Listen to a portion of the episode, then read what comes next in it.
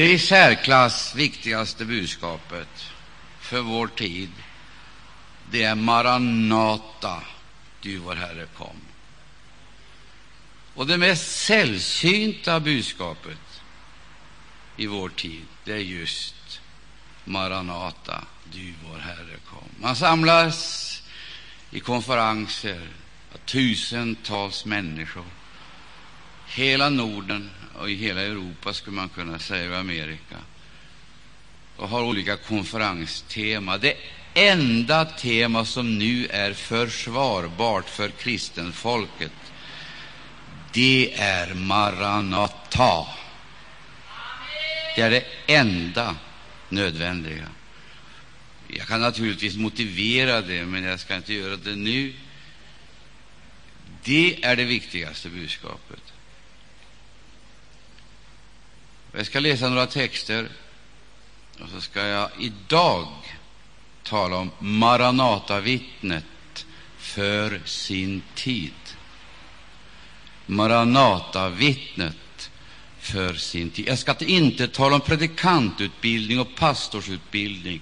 Jag ska icke tala om någonting av detta, även om det skulle kunna finnas anledning att polemisera mot tendenserna. Jag ska tala om Maranatavittnet, det genuina Maranatavittnet för sin tid. Du vet säkerligen att de är inte många, men sällsynta. Och de blir färre.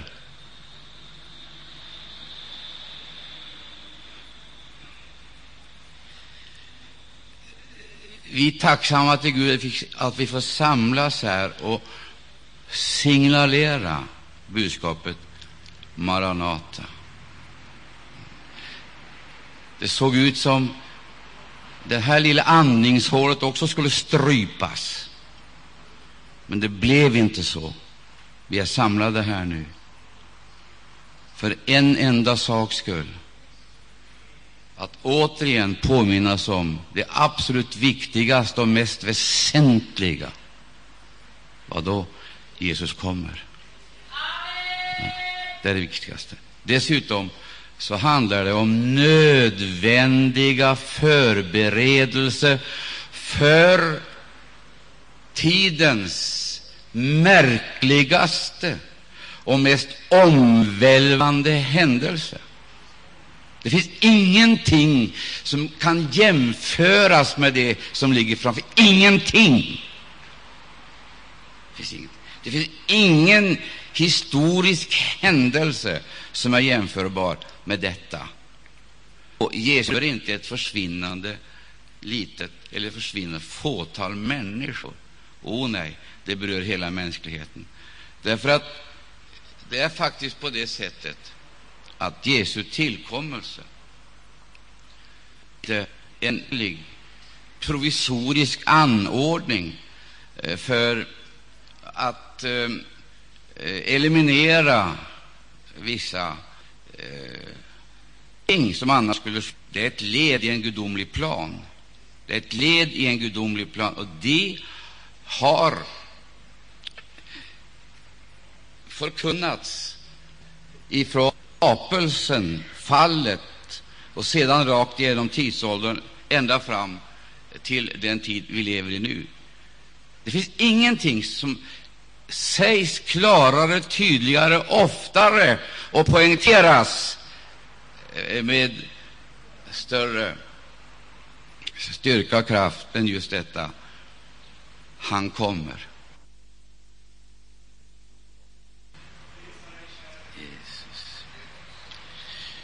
Du förstår, man stryker inte ett pennstreck över en konferens som efter en gudomlig ingivelse startade 1968. Det måste vi göra klart för oss. Det stryker man inte ett pennstreck över. Det var en ingivelse av Gud som var orsaken till den första konferensen. Och det är en ingivelse från Gud som gör att vi är här idag. Och budskapet är fortfarande, men idag mera aktuellt än någon gång tidigare. Jesus kommer. Och har man trassel och svårigheter, då bör man samlas för att påminna varandra om Jesu tillkommelse. Problemen löses uteslutande om just detta budskap så att säga, slår igenom, för att då kommer allting annat att underordna sig det övergripande förberedelserna för hans tillkommelse. Stämmer det? där jag med. Precis så är det, min älskade vän. Nu när jag läser Bibeln så ska jag läsa eh, självklart eh, de bibliska texterna.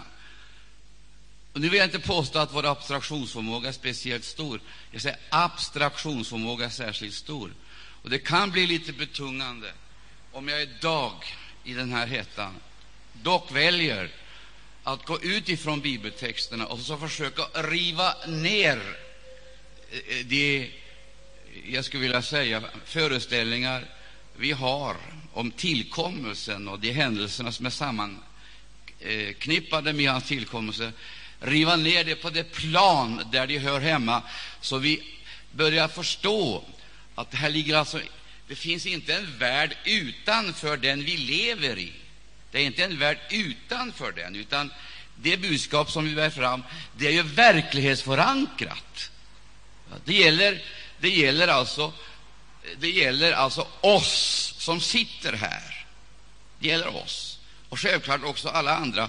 Men icke desto mindre så gäller det oss som sitter här. Och det är klart varenda en av oss känner ju till de här helt elementära faktorerna, att när Jesus kommer, då ändras ju allt på ett sätt, men på ett annat sätt så ändras ju egentligen väldigt lite.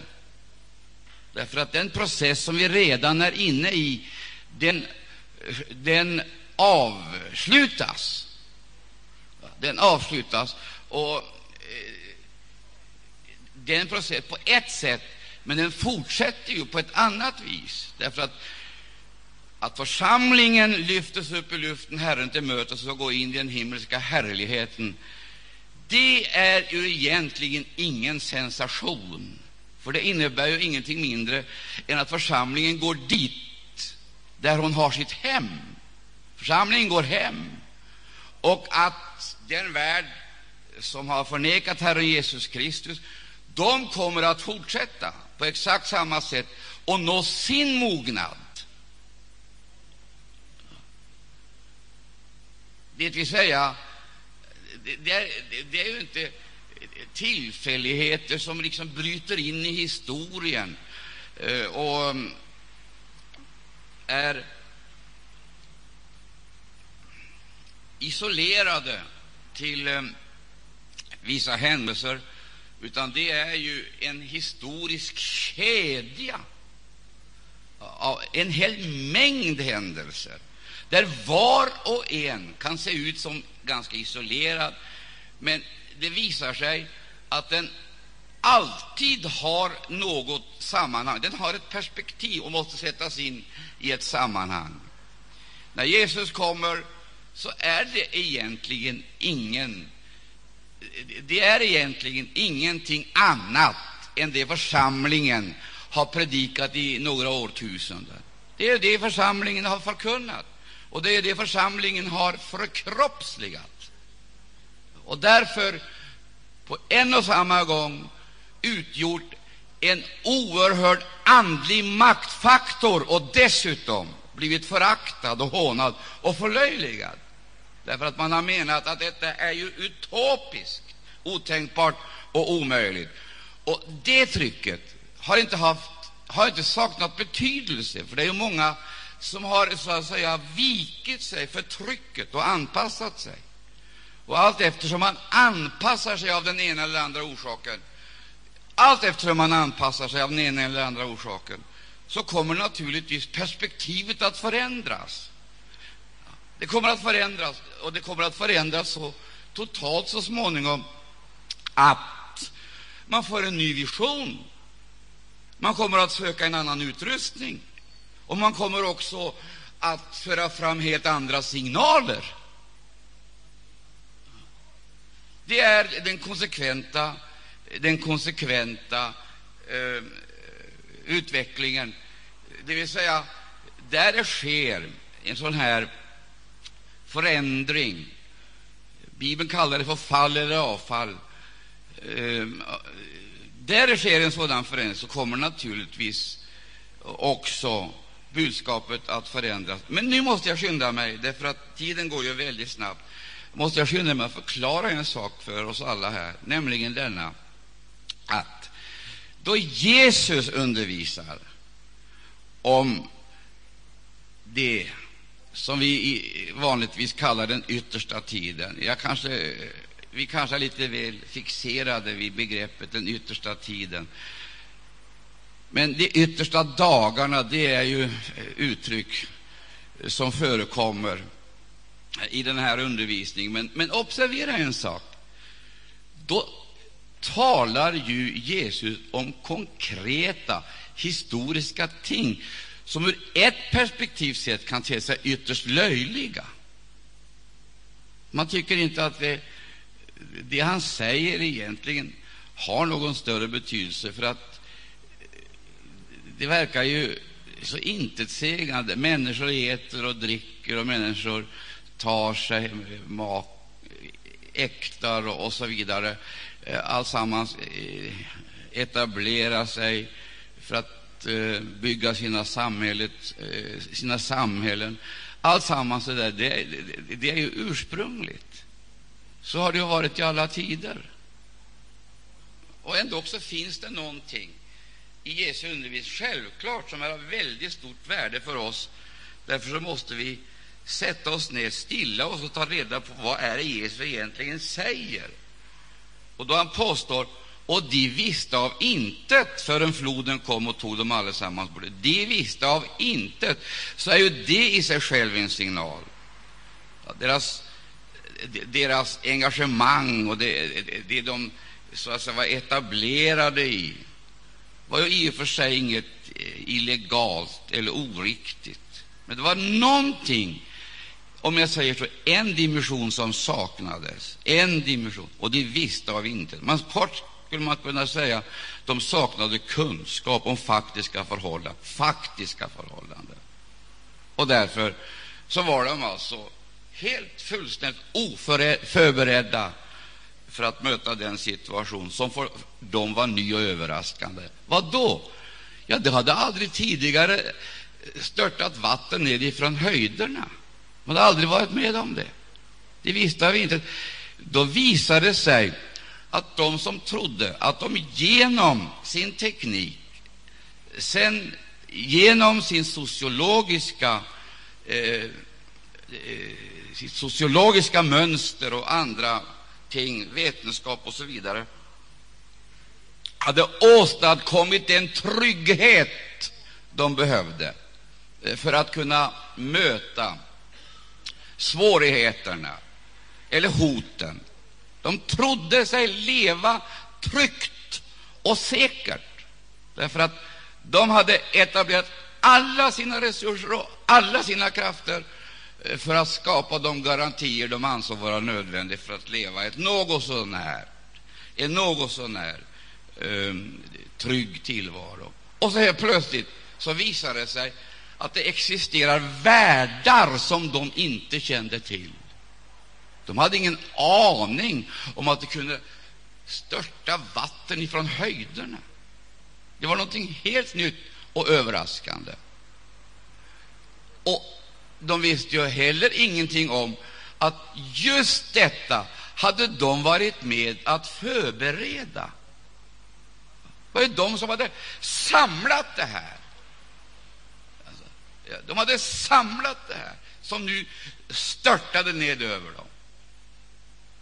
Man skulle kunna säga så här det var ett resultat av deras eget liv och deras eget verk, det vill säga konsekvenser som de inte hade en aning om.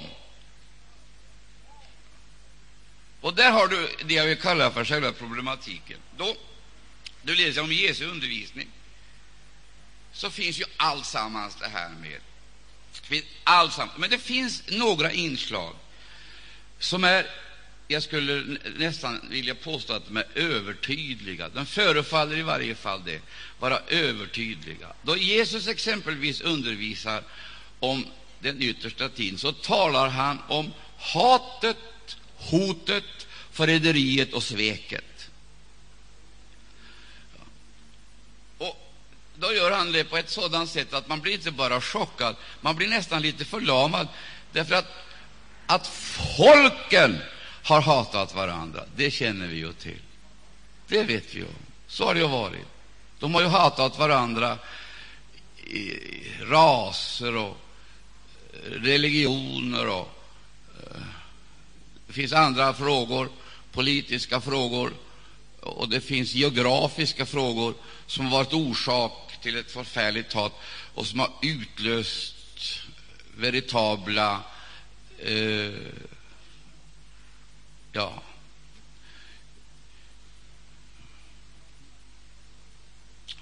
det har faktiskt varit frågan om folkutrotning. Det känner vi till. Men, så det är ju inget nytt. Hela historien läser ju det här. Men då Jesus undervisar så handlar inte hatet och hotet, förräderiet och sveket om det som redan existerar i världen. Här visar det sig att de som skulle representera någonting helt annat och på det sättet vara ett ljus i världen och ett salt på jorden.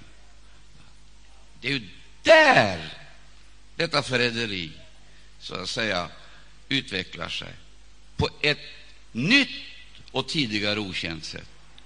Med andra ord, det är en värld av hat som öppnar sig. Det är en värld av svek som öppnar sig.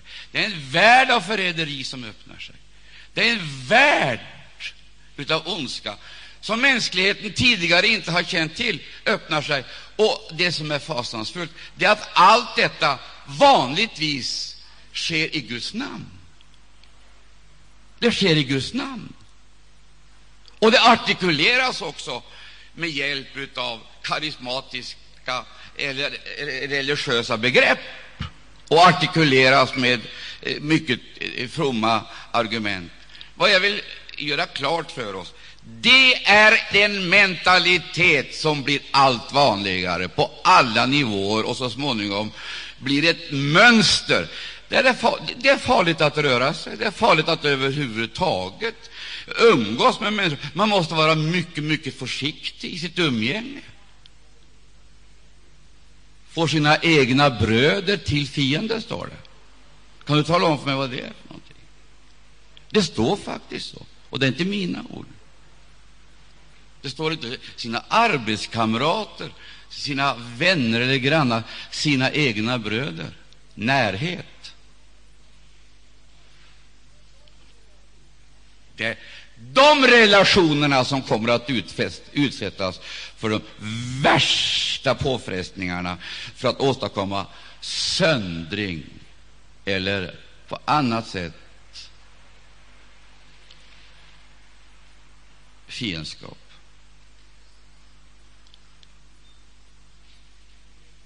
Nu måste vi göra klart för oss vi kan inte sitta och betrakta händelserna och räkna med att det här är någonting som angår andra, katolska kyrkan eller frikyrkan. Eller Detta angår varje Maranatabroder och varje Maranatasyster, om det finns några.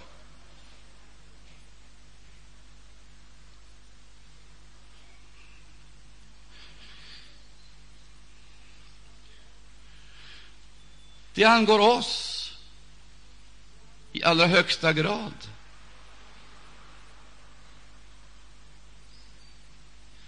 Nu ska vi gå in på det här området. Tiden är kort och den är begränsad. Men jag menar faktiskt, om det är någonting vi behöver få klart för oss, det är detta att Jesu tillkommelse är ingen doktrin som man håller fast vid av en eller annan orsak, pliktskyldigt. Maranata är en funktion, en livsstil, en hållning, en orientering, en inriktning, en efterföljelse, ett mål. Och när jag säger det här så vill jag inte på något sätt förringa värdet av det Gud gör. Verkligen inte. Verkligen inte. Jag tror att det sker enormt stora ting, fastän jag är helt övertygad om att det man i vanliga fall betraktar som stort och betydelsefullt har ingen betydelse, i varje fall liten, mycket liten betydelse. Men det som sker i det fördolda och som det inte går liksom att ge statistisk form eller passar in i propagandan eller reklam. Det som sker, alltså, som har bestående värde och som kommer att överleva alla mer eller mindre tillfälligheter, det som sker det läser du inte om i tidningarna, inte om i radioapparaten. Det hör du heller om i tidningarna. På, I det fördolda.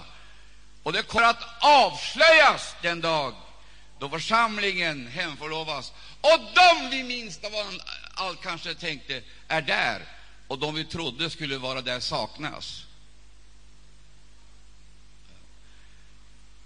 Det som sker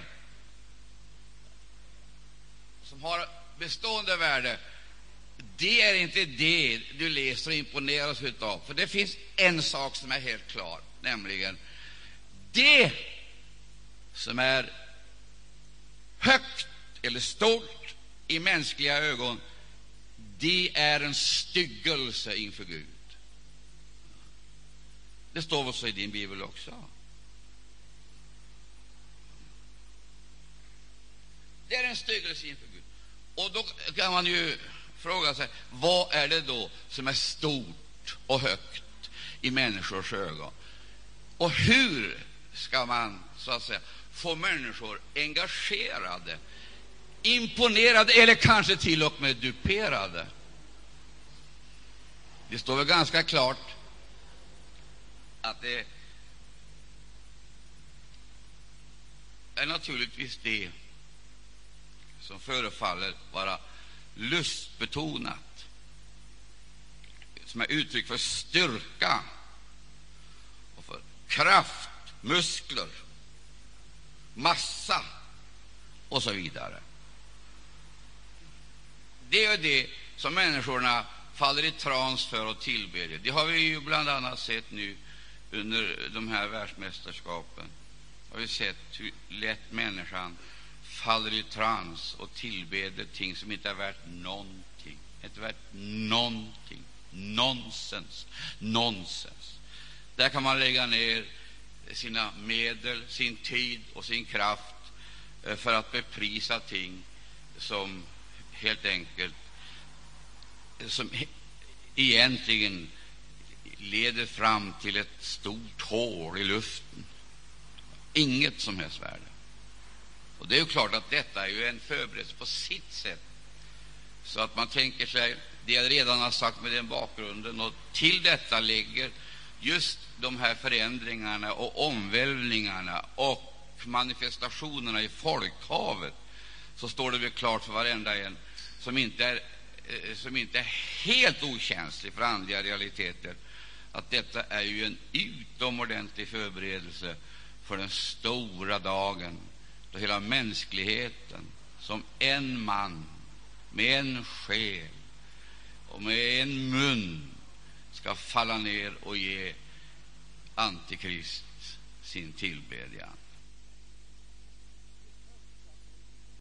I Första Korinthierbrevet 16.22 där finns en vers som vi har läst många gånger. Men det kanske har varit ett stort fel att vi har nöjt oss med att läsa slutet av det kapitlet. Vi kunde ha tagit början lika gärna, för samma budskap förekommer ju, förekom ju i början. Det vill säga, hela Första Korinthierbrevet eh, är inramat, det är fullständigt inramat utav detta oerhörda, viktiga och angelägna. Jesus kommer.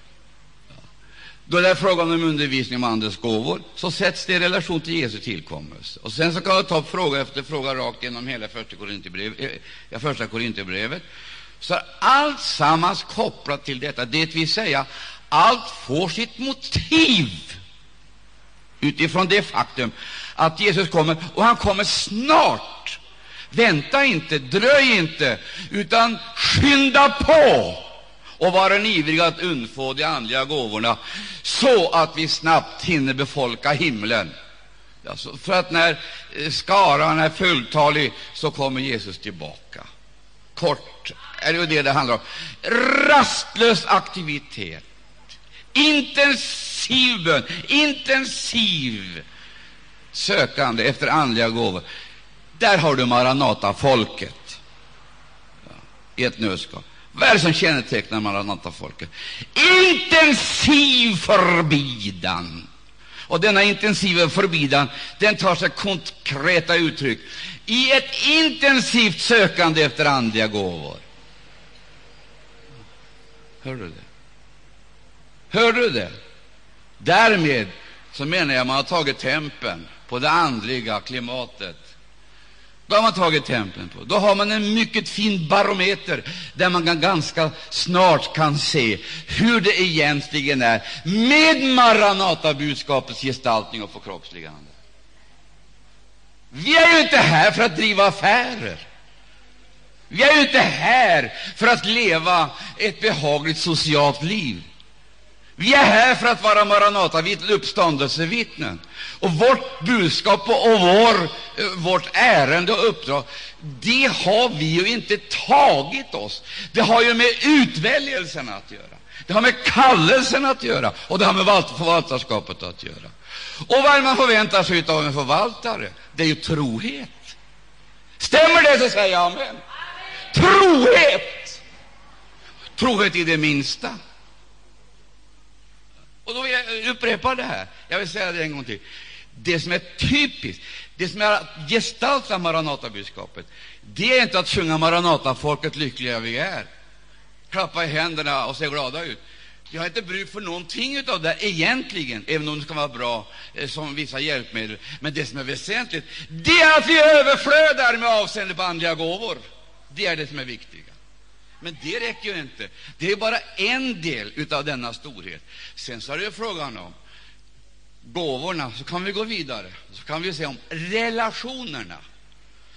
Ja, det är från relationerna. Relationerna till syskonen. Visst, men ännu mera relationerna till Herrens tjänare. Det är fråga om relationerna till Paulus, relationerna till Apollos, relationerna till Kefas. Om de är störda eller brutna, och vad som är orsaken till det. Och finns det någonting som utgör orsaken till störda eller brutna relationer, då bör man se till att de blir snabbt helade. För man kommer inte hem med störda relationer och brutna relationer. Det är sanningen, min älskade vän. Här kommer Jesu undervisningen in i bilden, tydligare kanske någon annanstans. Därför att om det här gällde människor utanför och bortom, då skulle det vara lättare för oss att kunna smita undan. Det finns möjligen någon reservutgång där vi kan smita undan och tänka oss det här drabbar inte mig, jag står utanför, jag åskådare. Nonsens! Det finns ingen neutral zon i Guds rike eller neutral zon i den här tiden, där vi så att säga kan säga ja, jag är neutral. Det här angår inte mig. Allt som gäller din broder angår dig. ska du göra klart för dig. Några tillfällen för uppgörelsemöten. Det blir ingen samling vid botbänken. Det blir ingen så att nästa konferens blir i helvete. Det vore ju hemskt. Gud har vidtagit förordningar och anordningar. Hörde du det? Han har vidtagit förordningar och anordningar för att vi skulle tjäna varandra. Hör du det? Vi är lemmar i en och samma kropp. Varandra till tjänst. Stämmer det, så säger jag amen. Varandra till tjänst. Och eftersom ni är varandras, varandras lemmar, kära tider, det är väl inte ointressant att så att säga jag förlorar en lem på kroppen. Självklart, jag måste ju ta reda på vad som är orsaken till det, och så måste jag göra klart för mig på vad sätt kan jag själv bidra till att det här förändras eller återupprättas eller på något sätt lämmar varandra till tjänst. Vad kan det vara för någonting? Att vara lämmar varandra till tjänst. Varandra till tjänst. Det är ju ingen som har hatat sin lem, sina egna lemmar. Man när dem, man vårdar dem. Varför? Man vill inte att kroppen ska komma hem stympad. Naturligtvis inte. Man vill ju att alla ska nå fram till målet. Och vad är målet för någonting? Målet, det är väl, det är väl klart. Och hur ska vi komma dit? Debatten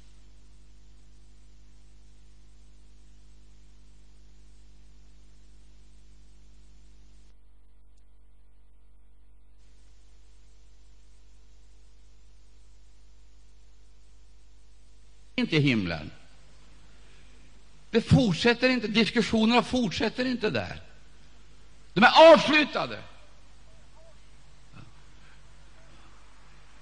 Och förräderiet fortsätter inte naturligtvis.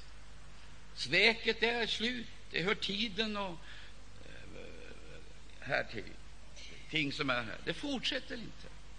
Och nu kan vi då tänka oss eh, idag, vilket datum är det idag? Va? Den 29 juli klockan 15 kom Jesus. Låt oss säga det. Vad skulle det utlösa för reaktioner i den här samlingen? Den 29 juli klockan 15 kommer Jesus. Vad skulle det utlösa för reaktioner i den här samlingen? skulle vi göra? Och Det där kan ju förefalla vara oerhört eh, overkligt. Verkligen inte. Mycket realistiskt. Mycket realistiskt. För att rätt vad det är har den tidpunkten kommit. Och då vet vi att då den tidpunkten är inne, då blir det inga väckelsemöten för att ordna exempelvis ting som måste ordnas före hemfärden. Det blir inga böner om förlåtelse. Visst inte. Det är klart att det är jobbigt en sån här förmiddag och sitta och lyssna på detta, men det får vara hur jobbigt som helst. Det är nödvändigt.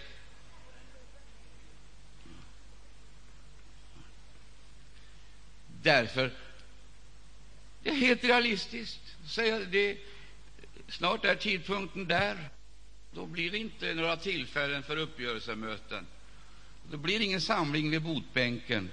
Det blir ingen förlikning. Då har detta som skulle ha varit löst förevigats.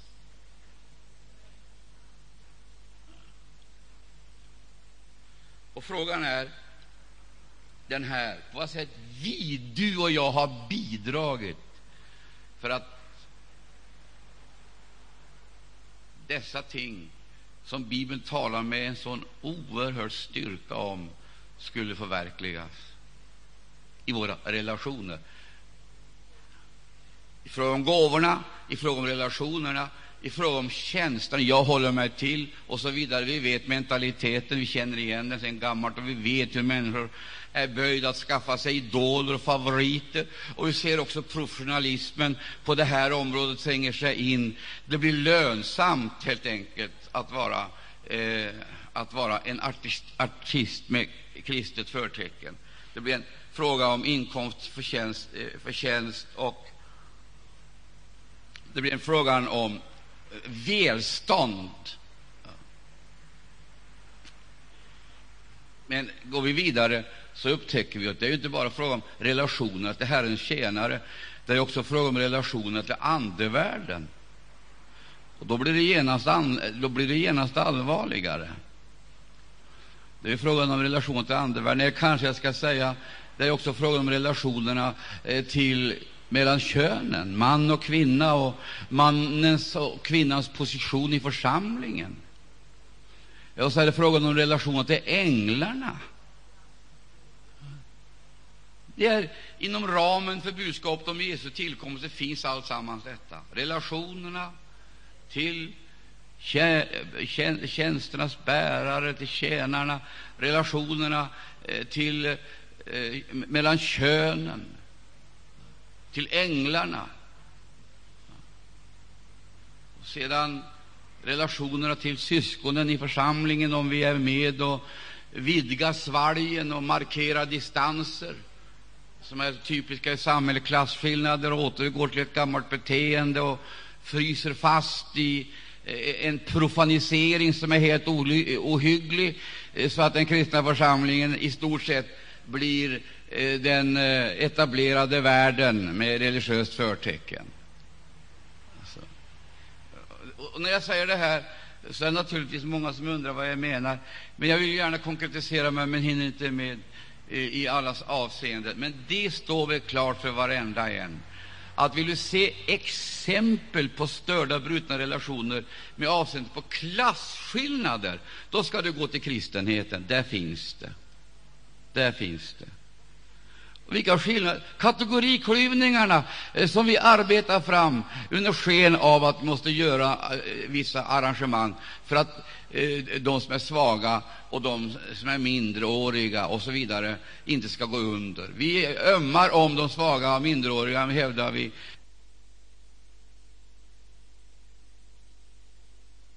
försöker slå hål på ägget ja, då kycklingen ska fram. Då vill man hjälpa till, för kampen är så hård och intensiv, och så slår man på ägget, vilket innebär att kycklingen i realiteten dör. Vi ställer in våra krafter eh, och eh, gör våra insatser.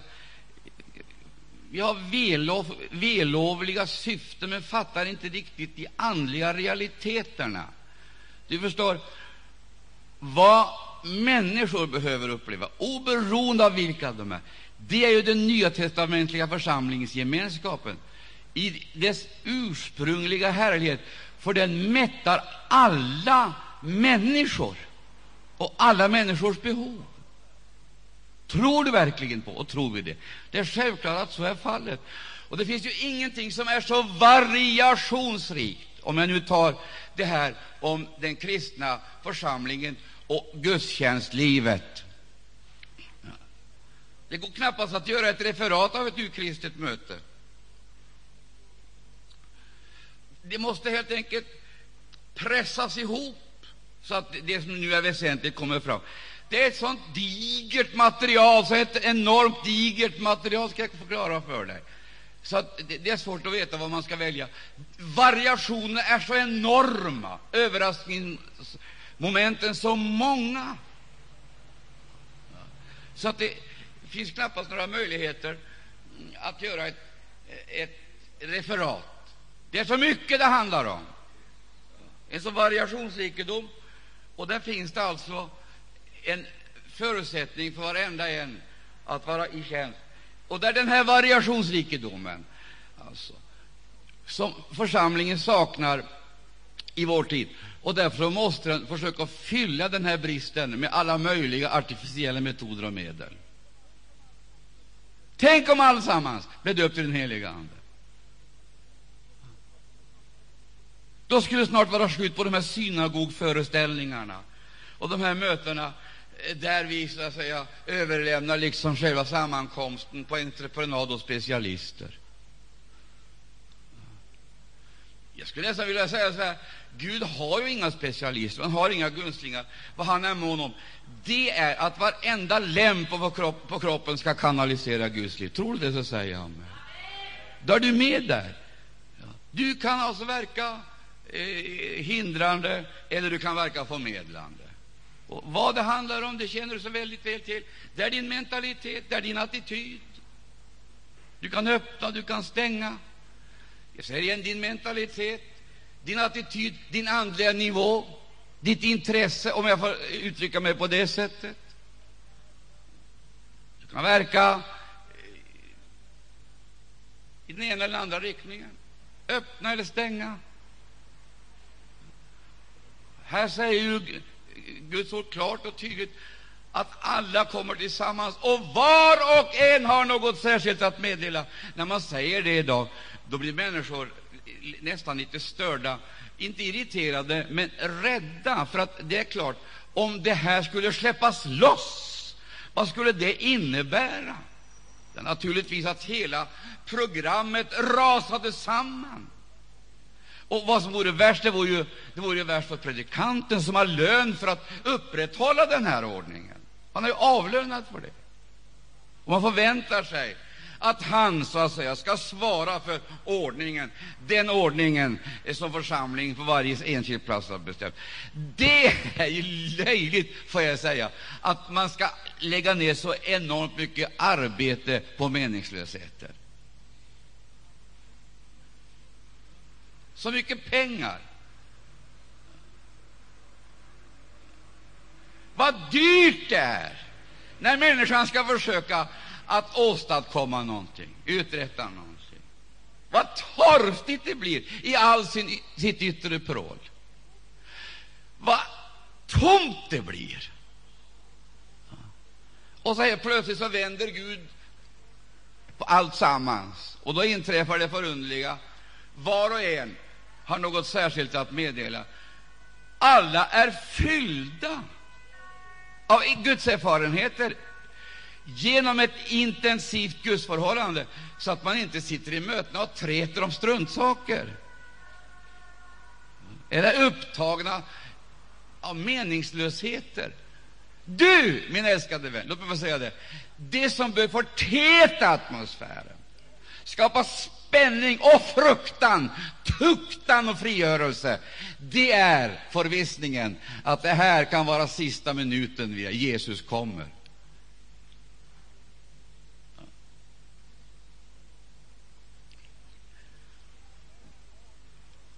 Där har du själva motivet och energin som kan driva fram det jag menar är de rätta attityderna, de rätta förväntningarna, de rätta förväntningarna. Och de rätta relationerna. Jag, inte, jag kan inte, jag får inte, av den enkla anledningen. Stör jag, bryter jag? Eller skadar jag? Så står det klart och tydligt. I samma, i samma eh, brev. Så står det klart och tydligt vad som sker med den som fördärvar fördärvar Herrens tempel. Satan kan inte göra det. Dödsrikets portar kan inte, ska inte bli henne övermäktiga. Det är vad Jesus säger. Det är proklamationen. Avgrundens planer, an, avgrundens attacker kan inte, förmår inte reducera eller oskadliggöra Herrens församling det är människan som gör det, och ingen annan. Och när gör hon det? När hon inte skiljer på vad som är kött och ande, vad som är själ och kropp. Okunnighet.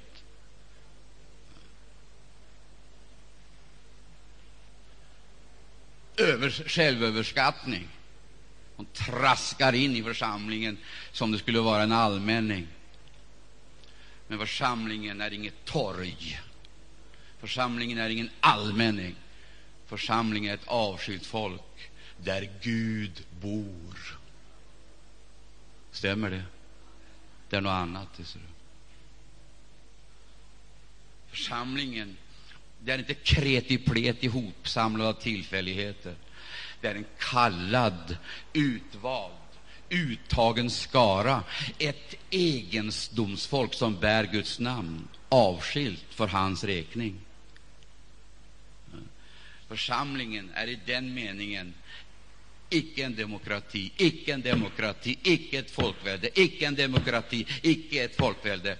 Det är Laodicea. Det vill säga, då församlingen har sjunkit ner på det stadiet, då lever den för horisontalplanets problem. Men församlingen är en teokrati, ett gudastyre.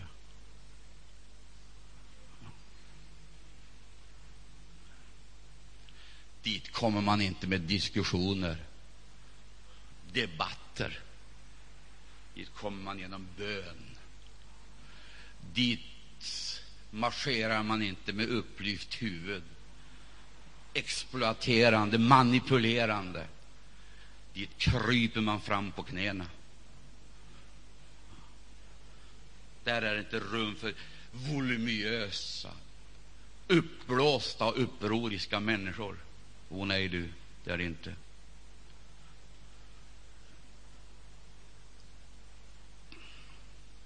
Församlingen är någonting annat. Det är Guds folk. Guds folk.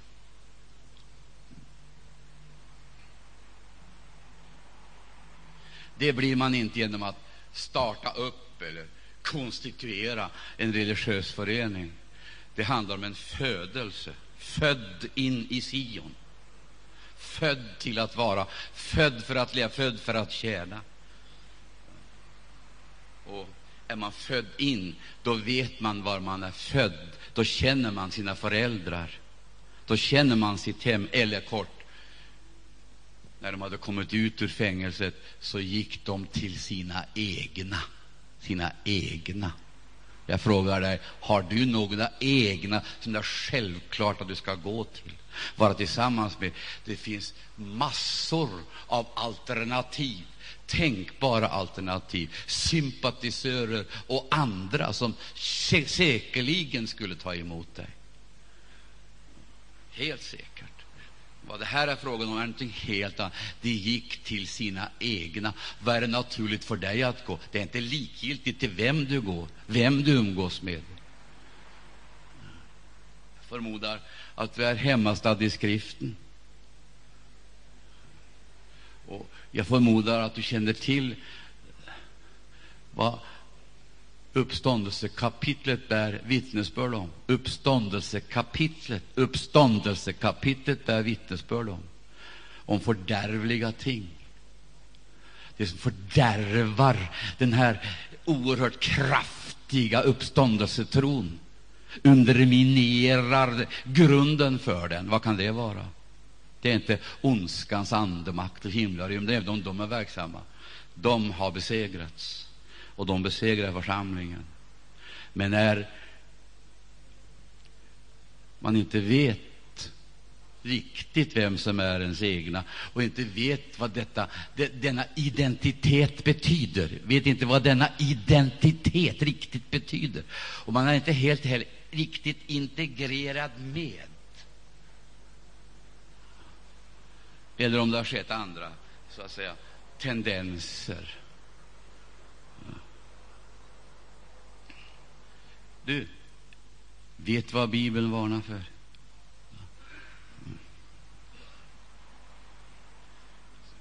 Det sista som sägs i Första Korinthierbrevet 15.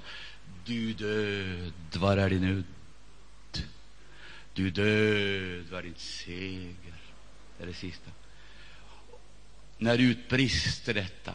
När församlingen lyfts upp i skyn Herren till mötes, då utbrister den triumferande i en jättelik och triumferande segerfanfar som hörs genom rymderna och når ända in i de himmelska höjderna. Du död, var är din seger? Du död, var är din nöd? Och så sägs det klart och tydligt vad som har gjort, synden så ohyggligt verksam. Och på vilket sätt den har fått sin enorma makt över den mänsklighet som har fått leva i träldom och fruktan. Hör här. I det här kapitlet så förekommer det nästan malplacerat, nästan malplacerat så förekommer det några få rader. Några få rader. Som ett observandum, som ett givakt. Se upp! Var aktsam. Ett märkligt eh, besked. Det heter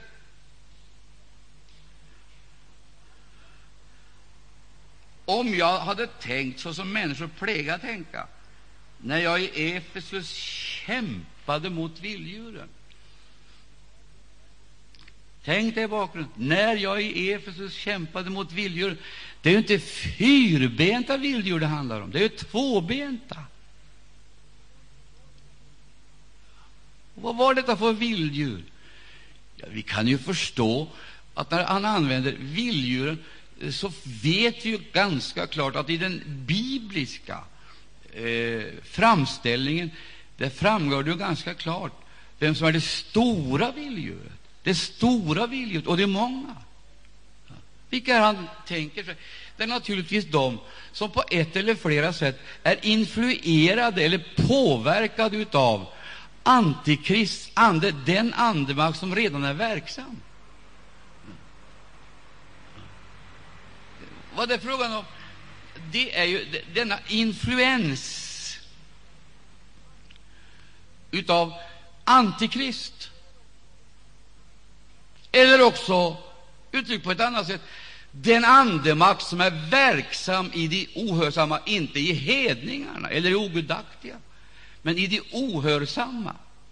Det sätter självklart att man måste ha hört och haft tillfälle att ta ställning och kanske också från början bejakat budskapet. Men av någon anledning Vänd sig bort ifrån det. Det finns rum för, jag höll på att säga, det finns rum för allt möjligt utav det som ett begrepp skulle kunna kallas för världsanda, världsherravälde. Ryms inom de här eh, områdena. Och influenserna är så oerhörda. När exempelvis Paulus säger så här, det, det är också ett väldigt märkligt uttryck. Han talar om kärlek, en kärlek som griper en människa så oerhört av kärlek till denna tidsålders väsende. Så har Demas övergivit mig. Vad är det för någonting? Har han förlorat intresset eller har han förlorat eh, visionen, visionen, har han förlorat inspirationen, entusiasmen. Vad är det som har gått förlorat av kärlek till denna tidsålders intresse? Det är ju självklart att varenda en, du och jag, varenda en som är här utsättes för frestelser. Därför att det finns ju ingenting som Satan avskyr så som brinnande kristna. Det är det värsta som överhuvudtaget kan tänkas.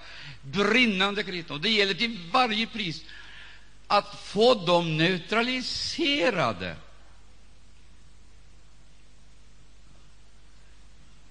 Därför att de brinnande kristna utgör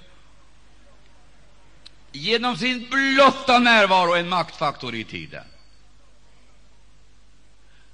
En maktfaktor i tiden. De är en maktfaktor. Och de är, de är o, eh, e- egentligen oövervinnliga. Det går inte att övervinna dem. De markerar någonting alldeles speciellt. Och man skulle kunna säga det, för att tydliggöra det i ord. De är ingenting mindre än en koloni, en himlens koloni i tiden. Det är Maranata.